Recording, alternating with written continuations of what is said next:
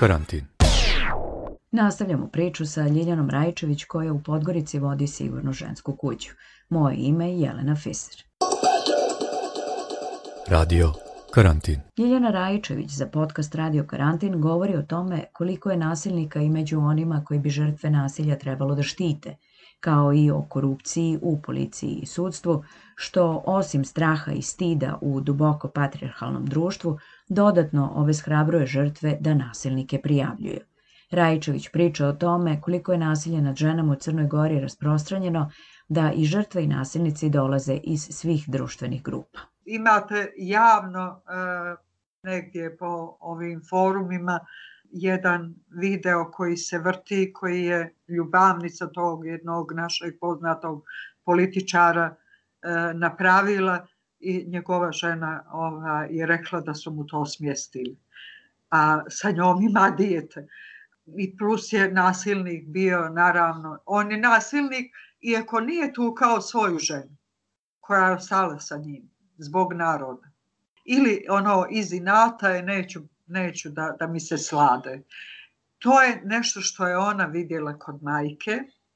Njena majka je to vidjela kod babe, ili njene majke i to se jednostavno prenosi. Meni se samo čini sad da mi ne idemo naprijed, nego da ova nova generacija ide unazad. Moja generacija je bila svjesnija zato što je bila e, slobodnija. Mi smo bili e, generacija koja je bila e, napolje, koja je sportista bila, koja e, se bavili e, naučnim radovima gdje se gledalo kolika je zastupljenost u parlamentu u kojem sam ja davno bila kao članice Liberalnog saveza i bila šefica kluba odbornika. Bilo je 40% žena. A u parlamentu Crne Gore, Skupštini Crne Gore, skoro je pola, 45% je bilo. Ali tada se to brojalo tada smo se mi malo šalili. Po ključu se išlo, ali je bila uključena muslimanka, albanka, hrvatica, e, radnica, e, intelektualka, ljekarka i svih branši e, birali su se, na primjer, bilo je jako puno tada direktorica škola, vrtića, to su ona ženska zanimanja i tako dalje. E, to je i dalje sad ostalo, e, ali sad imate, na primjer, političare koji se guraju jer je posao, odnosno zanimanje političara profitabilno. Spomenule smo do sada i policajce i advokate i tužioce. A, je li imate neki pregled, neku um, informaciju konkretnu, konkretne brojke o tome iz kakvog društvenog, odnosno ekonomskog i kulturnog miljeja predominantno dolaze nasilnici. Da. Evo, momentalno mogu ovako da se sjetim sad koje, jer od jučer nisam bila u skloništu, ali imate ovako od profesorice inženjerke do e, žene koja je završila osmogodišnju školu.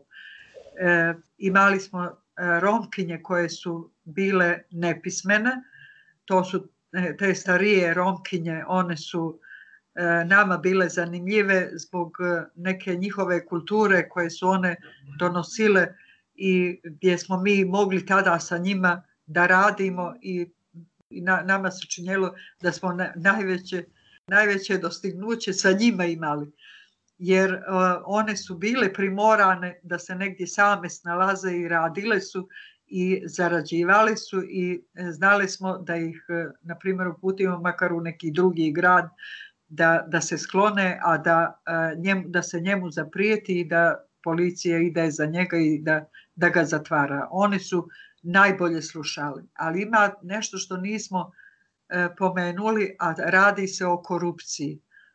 korupcija ne samo u policijskim, nego i u tužilaštvu i u sudstvu. A to je korupcija na najvećem nivou. Znači, ljudi koji imaju novac, oni mogu da zaustave i proces razvoda braka, i dodilu djece, i oduzimanje djece, i nedavanje alimentacije.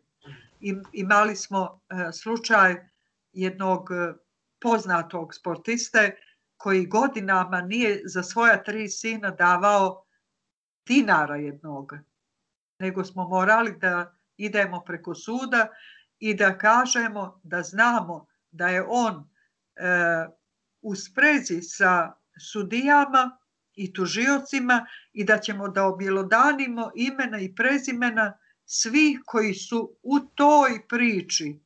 Tako da je žena jedino sa novom nekakvom prijetnjom dobila dosta para jer je dosta godina proteklo, on je a, e, imao visoku alimentaciju i a, e, to je jedan od tih uspješnih a, e, slučajeva koje smo uradili, a da smo saznali da postoji korupcija.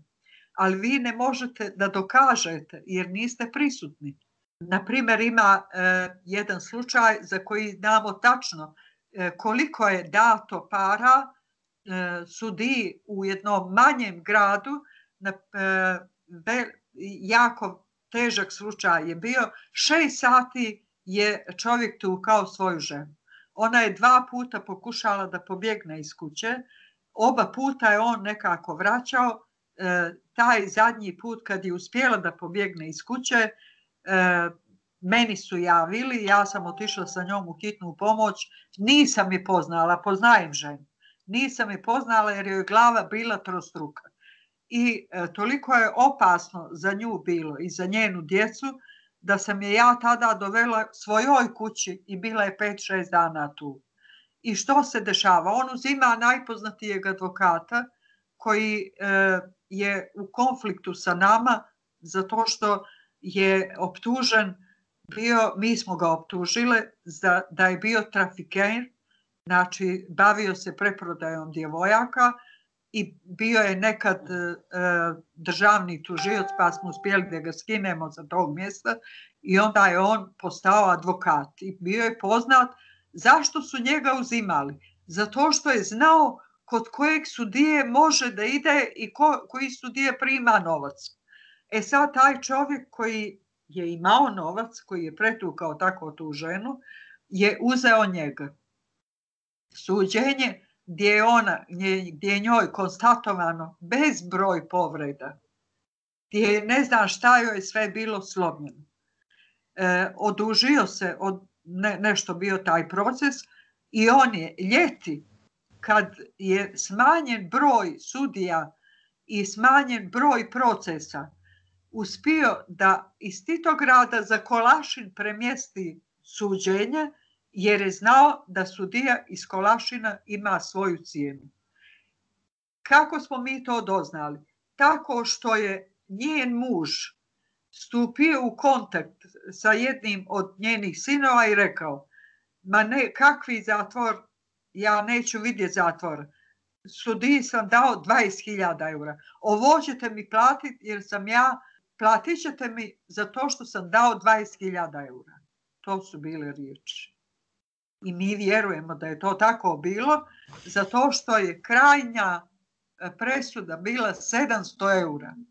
Novčana kazna. Kaznio nasilnika koji je za malo odveo u smrt tu ženu. Zvatat, 700 eura.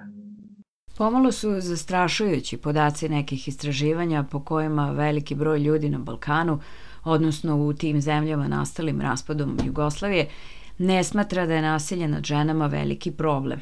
To su, kako ste i sami rekli, duboko patriarhalna društva u kojima je široko rasprostranjeno uverenje da muškarci imaju glavnu ulogu u porodici, a da su žene u njoj podređene. U jednoj anketi od prošle godine koju su sproveli Helsinški odbor za ljudska prava i Institut za sociološka istraživanja Filozofskog fakulteta u Beogradu, kaže se da 8% srednjoškolaca misli da žena povremeno zaslužuje batine.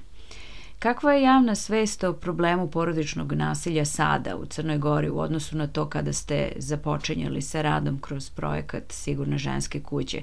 Rekli ste da je tada svaka druga žena u Crnoj Gori trpela partnersko nasilje. Šta se od tada promenilo? Procenat je isti. Znate, ja sam tada e, sa strahom, kad sam radila tu veliku uz pomoć jednog poznatog statističara koji je radio sa mnom u higijenski zavod, on je do, doktor statistike bio i on me učio kako se statistika radi i kako se e, zapravo brže dolazi do nekih podataka koji su za mene interesantni. I ja sam tada njemu dala, bila jer je meni izašlo sistemom proksimacije, izašlo da je 1,27. Znači, ispada da je skoro svaka druga. Ali meni je to bilo užasno. Ja to nisam mogla da kažem novinarima zato što sam znala da mi neće niko vjerovati. I onda sam išla kod njega u kancelariju, zajedno smo radili i on je rekao da tebi e, izlazi ovdje 2,57. Svaka dva, e, dvije žene, dvije i po žene, tako to nekako ispada. Ali ti ni to dobro nije. Zato što si ti uzela prosjek. Da ti je to muž, žena i dvoje djece. A pošto je on duboko ušao u priču jer ga je interesovala i dobri smo, kolegi smo dobri bili, on je meni rekao, ti meni kažeš da je bila njena majka prisutna, pa njen otac. Svi oni pate, znači svi su oni uključeni, čak i dobijaju nekad od nasilnika i oni batine ili neku vrstu nasilja. Ako bi uzela taj procenat, onda bi to bila katastrofa za Crnu Goru i nas bi trebalo onda negdje pred Međunarodni sud savit i reći što vam se to dešava. Ali ajde da sad idemo da je svaka treća žena jer e, imaš jedan veliki uzorak i niko na, ta, na toliki uzorak nije nikad pravio statistiku. To je bilo 3000 prvih e, poziva na SOS telefon. Ja sam tada radila sa četiri e, studentkinje koje su mi pomagale. Nikad više toliku brojku statističku, ali mi je tada i ovaj čovjek rekao da i ne treba ni toliki, jer je to samo više posla. Dovoljno je, na primjer, 300-400 uzora kada daju jednu. E, da, danas e, zvanična UNDP-eva statistička e, slika izgleda ovako. Oni kažu svaka treća žena. Ja se ponovo bunim i kažem da u sigurnu žensku kuću to tako ne izgleda.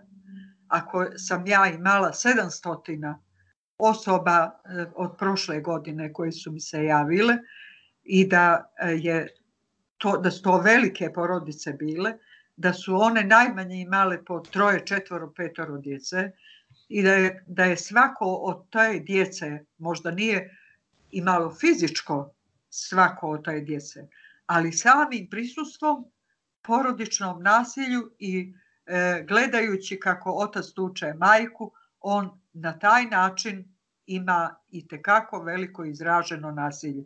I ima posledice. Imate, na, nama sad u sklonište e, dvoje djece mokri, veliko djece, mokri u krevet Imamo jedno koje je mucalo, gdje nam je logoped trebao pola godine. I gdje, gdje njemu, zbog njega e, nismo dali ženi da ide, e, iako je mogla da ide u neki svoj prostor, nego e, zbog njega koji je imao strah da se neće negdje susreti sa ocem. Znači, niko na tu djecu ne obraća pažnju, nego, na primjer, svaka treća žena ali to jeste tako, jeste jedan podatak koji zabrinjava da se još uvijek žene ne javljaju. Na primer, e, žene e, koje popune naš upitnik kažu ovako, zašto bih se javila ako mene medijator koji je zabranjen kod nas, ali vi ne možete da zabranite sudiji koji se stavlja u ulozi medijatora koji kaže ajte još jednom probajte, ajte vidite kako ste lijepi. Pa pogledajte kako uh, on, on, on gleda, on je dobar, evo plakao je, pa javite mi se, evo uzmite moj broj telefona, ako vam se još jedan put nešto desi, onda ćemo da nešto vidimo. Ajte kući, vidite kako. I onda ih isprati.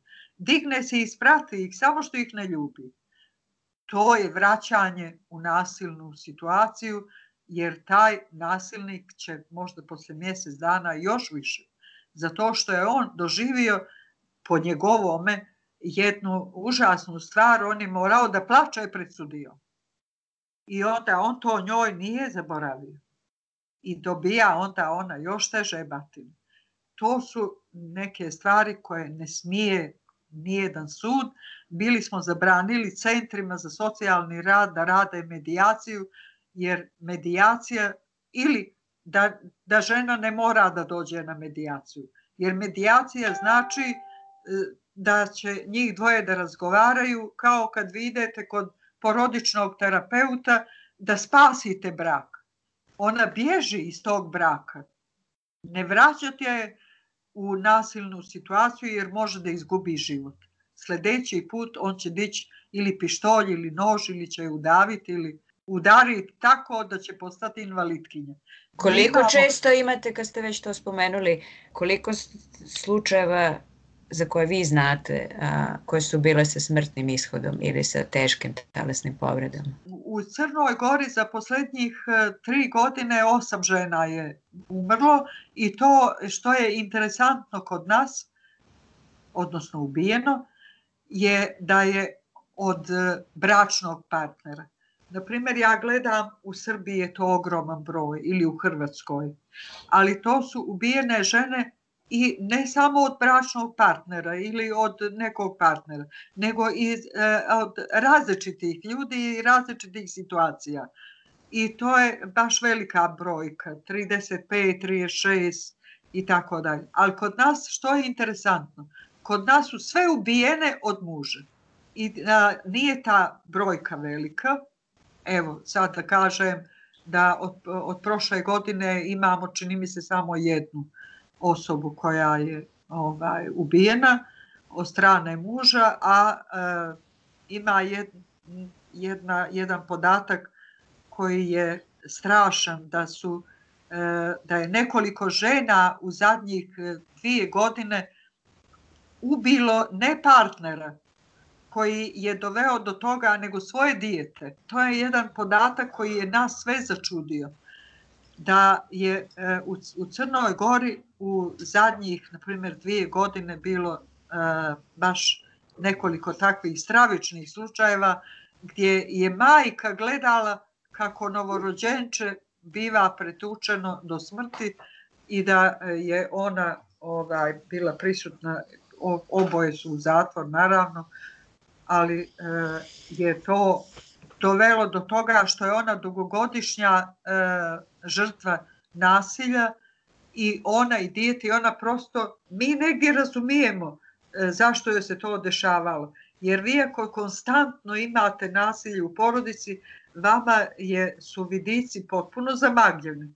Vi ne možete da razmišljate. Strah je najveći, najveći neprijatelj kod žena koji je drži u kavezu jer i ona onda ne umije E, od tog straha da racionalno razmišlja. Onog trena kad okrene naš broj telefona, ona izlazi iz te situacije nasilja. I to je taj prvi okidač koji može da joj se pomogne, mi onda kad čujemo priču i kad znamo da je strah drži da kod, e, kod tog nasilnika, onda znamo, imamo metodu kako da izvukujemo iz toga i uh, uspijeva nam dosta dobro. Spomenjali smo sve ove prepreke, neobučenost pre svega učesnika u vlasti, ljudi tih instanci koje su dužne da ovaj, žrtvama nasilja pomažu i da sankcionišu nasilnike i duboko ukorenjen patrijarhalni a, e, taj sistem u sve sisteme društva, u, u celokupno društvo. Koliko ste se često puta uplašili i možda i za sobstvenu bezbednost u takvoj situaciji. Um, spominjali ste i korupciju i nasilništvo unutar policije i pretnje jedni drugima i ucenjivanja. Koliko je vaš rad otežan u tom smislu? Pa mi smo zaboravili sad u ovoj našoj komunikaciji da pričamo o još strašnijem nasilju nad ženama, to je Eh, ja sam 2000. Eh, godine, znači prva u jugoistočnoj Evropi, otvorila sklonište za trafiking. I to u kući koja je bila sklonište za žrtve nasilja, desilo se sasvim slučajno da polovina te kuće bude prazna, izašao je neki stanar koji je prije toga tu živio i ja sam tada e, sasvim slučajno dobila informaciju da u policijskoj stanici e, se nalazi 15 žena, e, bio je zimski period, koje su neadekvatno obučene iz nekog bara gdje je bila racija i da se policajci sprdaju sa njima. Da se e, neadekvatno šale ili da se zezaju, dobacuju grube šale i da je ta situacija ružna. A to je rekla osoba koja je prošla našu edukaciju i koja je rekla da nisam prošla edukaciju vašu i da ne znam šta je to nasilje i to vrijeđanje i ta kvalifikacija žene kurva, prostitutka i tako dalje, ja bi sigurno prošla. Možda bi se i nasmijala, možda bi ih i pogledala e, i ja sa nekim pogledom koji kaže evo opet tamo neke kurve iz neke e, kuće za prostituciju, ali e, sad sam vidjela e, koliko je to ružno i koliko e, te žene pate. I e, tako, za, mislim, priča bi bila duga, ali ja sam odmah zvala tada direktora policije i rekla nemojte da vam te žene leže po hodnicima u tim kratkim suknjicama, u tim čarapama koje hladno im je, gladne su. Već su tu dan i po, ne znate što ćete sa njima jer trebali su da ih e, deportuju. I ja imam jedan prostor u kojem bi one mogle do deportacije da budu kod nas barem da im skuvamo čaj, da im damo hranu i imamo djeće i obuće za njih. I on je rekao, gospođo Ljiljo, hoćete li da unizite vaš ugled koji stječete godinama i da primate kurve u vašu kuću? Ja sam rekla, hoću. I potrajalo je to malo, nekoliko sati. Kad sam vidjela da neće da ih dovede, ja sam tada zvala e, kancelariju koja se tek otvorila bila. OSC. Arne Jan Flolo je bio čovjek kojemu ja nikad zaboraviti ime neću, jer je on zvao ministra na moj nagovor, jer sam ja uporna, užasno sam uporna kad e, zacrtam nešto. I zvao je tada e, direktora policije i rekao da po svim međunarodnim standardima te e, osobe moraju da budu poštovane i da na neki način e, im se omogući normalan opstanak do one procedure koja je zakonska. I doveli su ih u policijsku maricu zatvorene.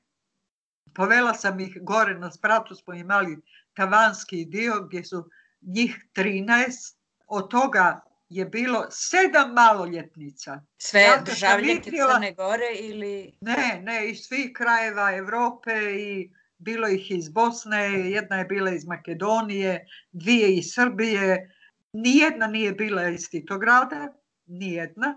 Kasnije je bila jedna iz Bara koju su kasnije doveli. Uglavnom to su bile strankinje. I tada ja po prvi put čujem najstrašniju priču. Ništa mi domaće nasilje nije bilo tada komplikovano zato što su to bile žene koje su pristale na takvu vrstu braka, na taj odnos prema njima, punoljetne su, a ove su bile primorane. Došle su da rade u Crnu Goru, došle su da zarade, nisu htjeli da budu prostitutke, ali im je oduzeta ovaj, sva, e, sva dokumentacija i one su bile ničije. Mogle su da ne stanu, a da niko za njih ne zna. I tako sam otvorila, vjerujte da je 170 cura za pet godina koliko je bio, bilo to sklonište otvoreno, prošlo i e, pomogao i koga je zatvorio? IOM.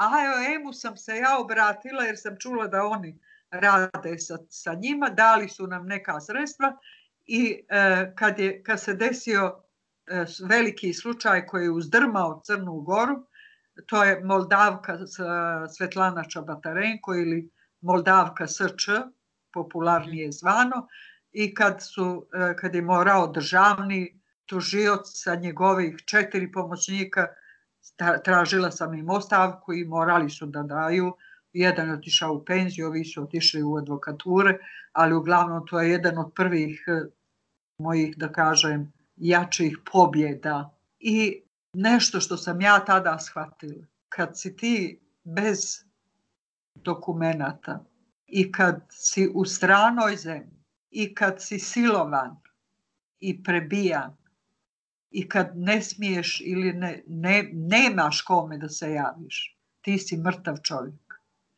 Mi smo tada saznale od tih cura E, jer sam ja zvala odma e, Gordanu Borović, tada je bila novinarka monitora, koja je došla sa novinarkom DDR-a ili tako nešto se zvala e, neka novinska agencija iz Njemačke, da čuju tu priču, da ne smijem ja jer će one poći, ne smije da ta priča ostane kod mene samo, nego moraju to još da čuju da da čuje to novinarka. Njoj sam imala broj telefona, ona je došla i do zore smo ostali slušajući njih i te njihove priče. Te dvije novinarke su predzoru izašle iz skloništa, osvrćujući se oko sebe jer su već bile prestravljene od imena koje su čule. Od imena, jakih imena. Meni su samo rekle, neka ti je Bog u pomoći. Ja sam rekla, ja se ne bojim od toga. Jer ovaj, dosta njih je htjelo da svjedoči. Međutim, sjutri dan je meni jedna od tih novinarki rekla da je podnijela izvještaj i poslušali su iz monitora sve što je bilo snimljeno. Oni su se prepali. Znate li koliki je članak izašao o tome? a šest sati razgovor. Ovoliki. I ja Mali sam, članak u veličine telefona. Yes. Ja sam tada Gordanu pitala zašto. Kaže e, Draško Đuranović, novinar koji je bio tada direktor, je rekao mi ovo ne smijemo da objavimo jer možemo da zatvorimo ovo. To sam tada čula i zaprepašćena sam bila jer je monitor tada bio jedna od svijetlih tačaka i jedino ko je objavio vjerodostojnu priču jedne od žrtava, koja je bila iz Srbije, iz Loznice je bila, je bila Milena Perović koja je objavila sliku gole cure vezane lisicama za radijator i njene priče. I ja sam prvi put tada dozvolila novinarki, jer sam joj vjerovala, da pođe i da razgovara sa njom i da objavi tu sliku, iako nisam žrtvu pitao. I nisam noćima spavala zbog toga. Ali sam rekla, ovo mora da se objavi jer vodim, nju moram da vodim, jer nije dobro, nervno nije dobro. Moram da je vodim u, eh, na nervnu kliniku na liječenje jer ona kao svjedokinja ništa nije valjala. Samo bi je izmaltretirali i proglasili bi je ludom. I da, e, pošto se već čulo za nju, da bi joj spasili život, meni policija obećava da će da je povede za Beograd u kliniku.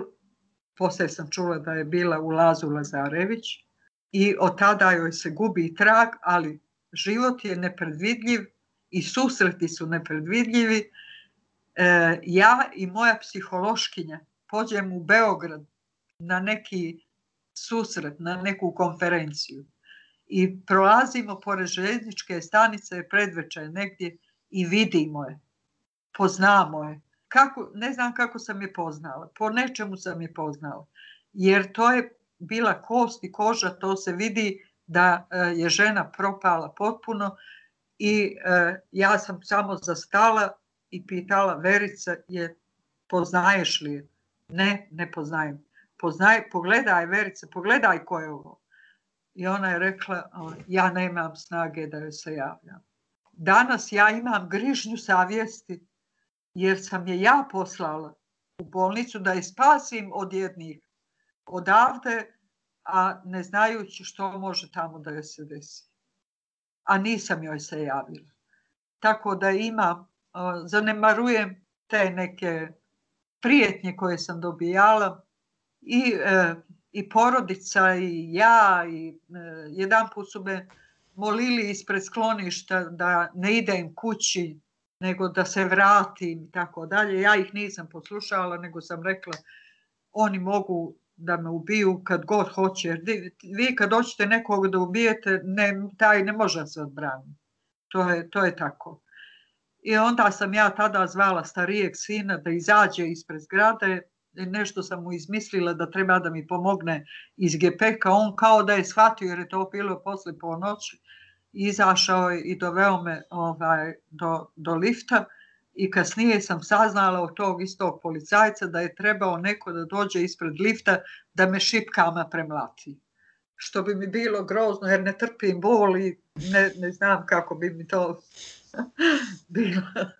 Ali uglavnom eh, eh, svaki put kad nastupam negdje na eh, nekom mediju ja kažem ne bojim se jer to su kukavice.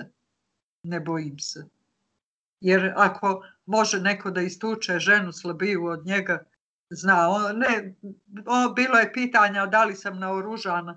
Jedan put kad je bilo stvarno e, mnogo opasno sa nekim jakim kriminalcem iz nekog e, ovog kaločkog ili kako li se već zovu klana, da onda, onda sam rekla jesam, imam, imam nešto imam u, u, u torbici. u torbici, jeste. Ali to, to se svodi sad na te mreže, e, na Facebook, e, gdje oni pljuju, psuju. Juče sam pročitala, na primjer, da e, sam ja obučena u skupu robu koju dobijam besplatno. to je neka bila, a to je čovjek koji, kod kojeg uh, ima problematična situacija porodična, jer mu je žena kod nas u skloništu. I ta, tako mislim. Ali na to se naviknete i ne razmišljam o tome. E, ja e, sam imala e, jedno praćenje kad sam u Nikšić otvarala SOS e, telefonsku liniju. I to sam baš vidjela e, kako me prate, jer je e, umeđu vremenu jedna žena e, iz Nikšića, iz, našom sugestijom, prešla da živi ovdje. Jer je tu bolje bila zaštićena. Tada nisam imala sklonište. I taj, taj me čovjek pratio jer mu je žena rekla, to mi je Ljiljana Rajčević rekla da se preseli. U, ne znam što joj je bilo, ali tako je to rekla.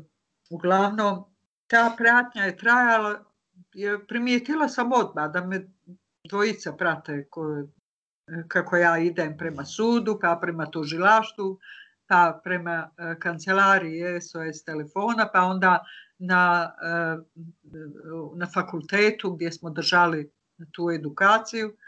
I onda sam se okrenula i rekla, hoćete li sa nama da idete da prisustvujete edukaciji gdje bi vama to valjalo. Valjala bi vam edukacija. I, i, I zaista i danas mislim da edukacija za muškarce je jako važna. I da se malo sa tim nasilnicima radi. Ja radim zato što sam primorana jer su moje porodica kod e, nas i koja, porodica koja nema gdje i u 90% slučajeva će da se vrati i sa njim moramo da napravimo neki dil. Čak imamo jedan sistem da napravimo, na primer, neki ugovor između njih dvoje. Ako ti se desi da te on ponovo pretuče ili te zatvori ili ti ne da novac ili ti ne znam ili, ili sa djecom nešto radi, on e, u tom slučaju ima da se seli iz kuće ako neko ima neki e, drugi prostor ide tamo ili tako nešto. I e, ljudi pristaju zato što bi htjeli da je vrate i misle da je to neozbiljno. Ali onda mi da bi to uozbiljili, onda mi njima kažemo idite kod notara, pa ovo e, neka vam notar zabilježi kao tada, tada notar nije imao tu jačinu kao što sad ima. I onda je znao notar da me zovne i da kaže što je ovo gospođo Ljilj. Ka, mislim, ka, kako će ovo, hoće li on ovo shvatiti to? Hoće, velim ja kad vidi pečar.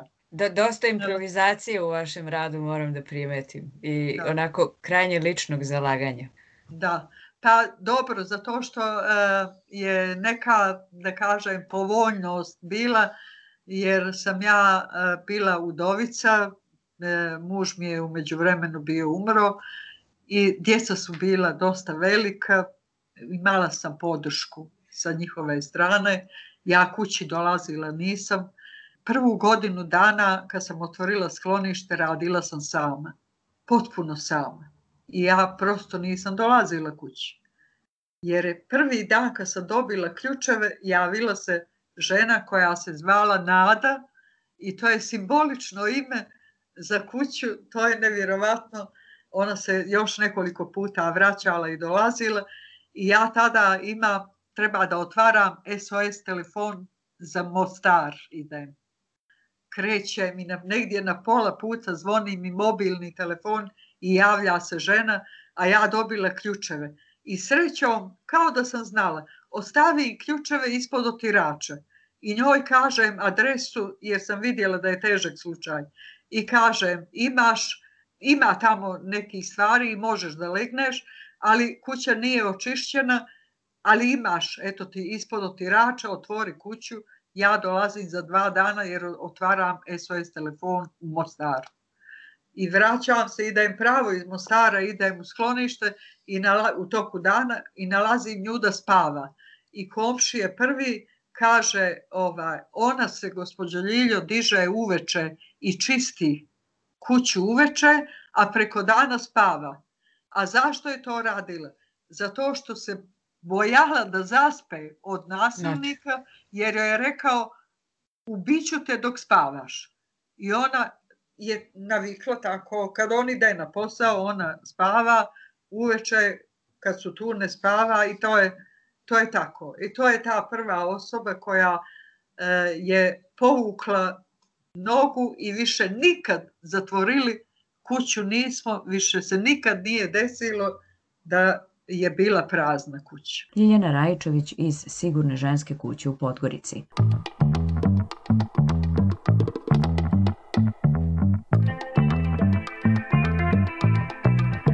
Radio Karantin. Podcast Radio Karantin je neprofitni projekat koji Aleksandar Kocić i ja radimo iz novinarskog entuzijazma jer smatramo da živimo istorijske događaje koje je važno zabeležiti. Molimo vas da nas podržite i postanete redovni pokrovitelj Radio Karantina preko Patreona ili jednokratnom uplatom preko Paypala.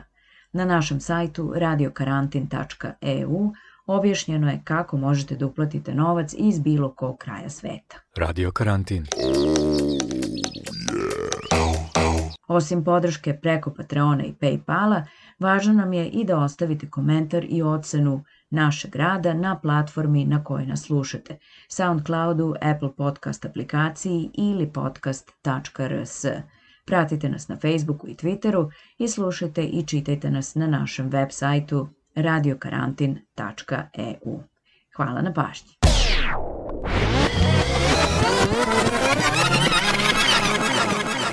Radyo Karantin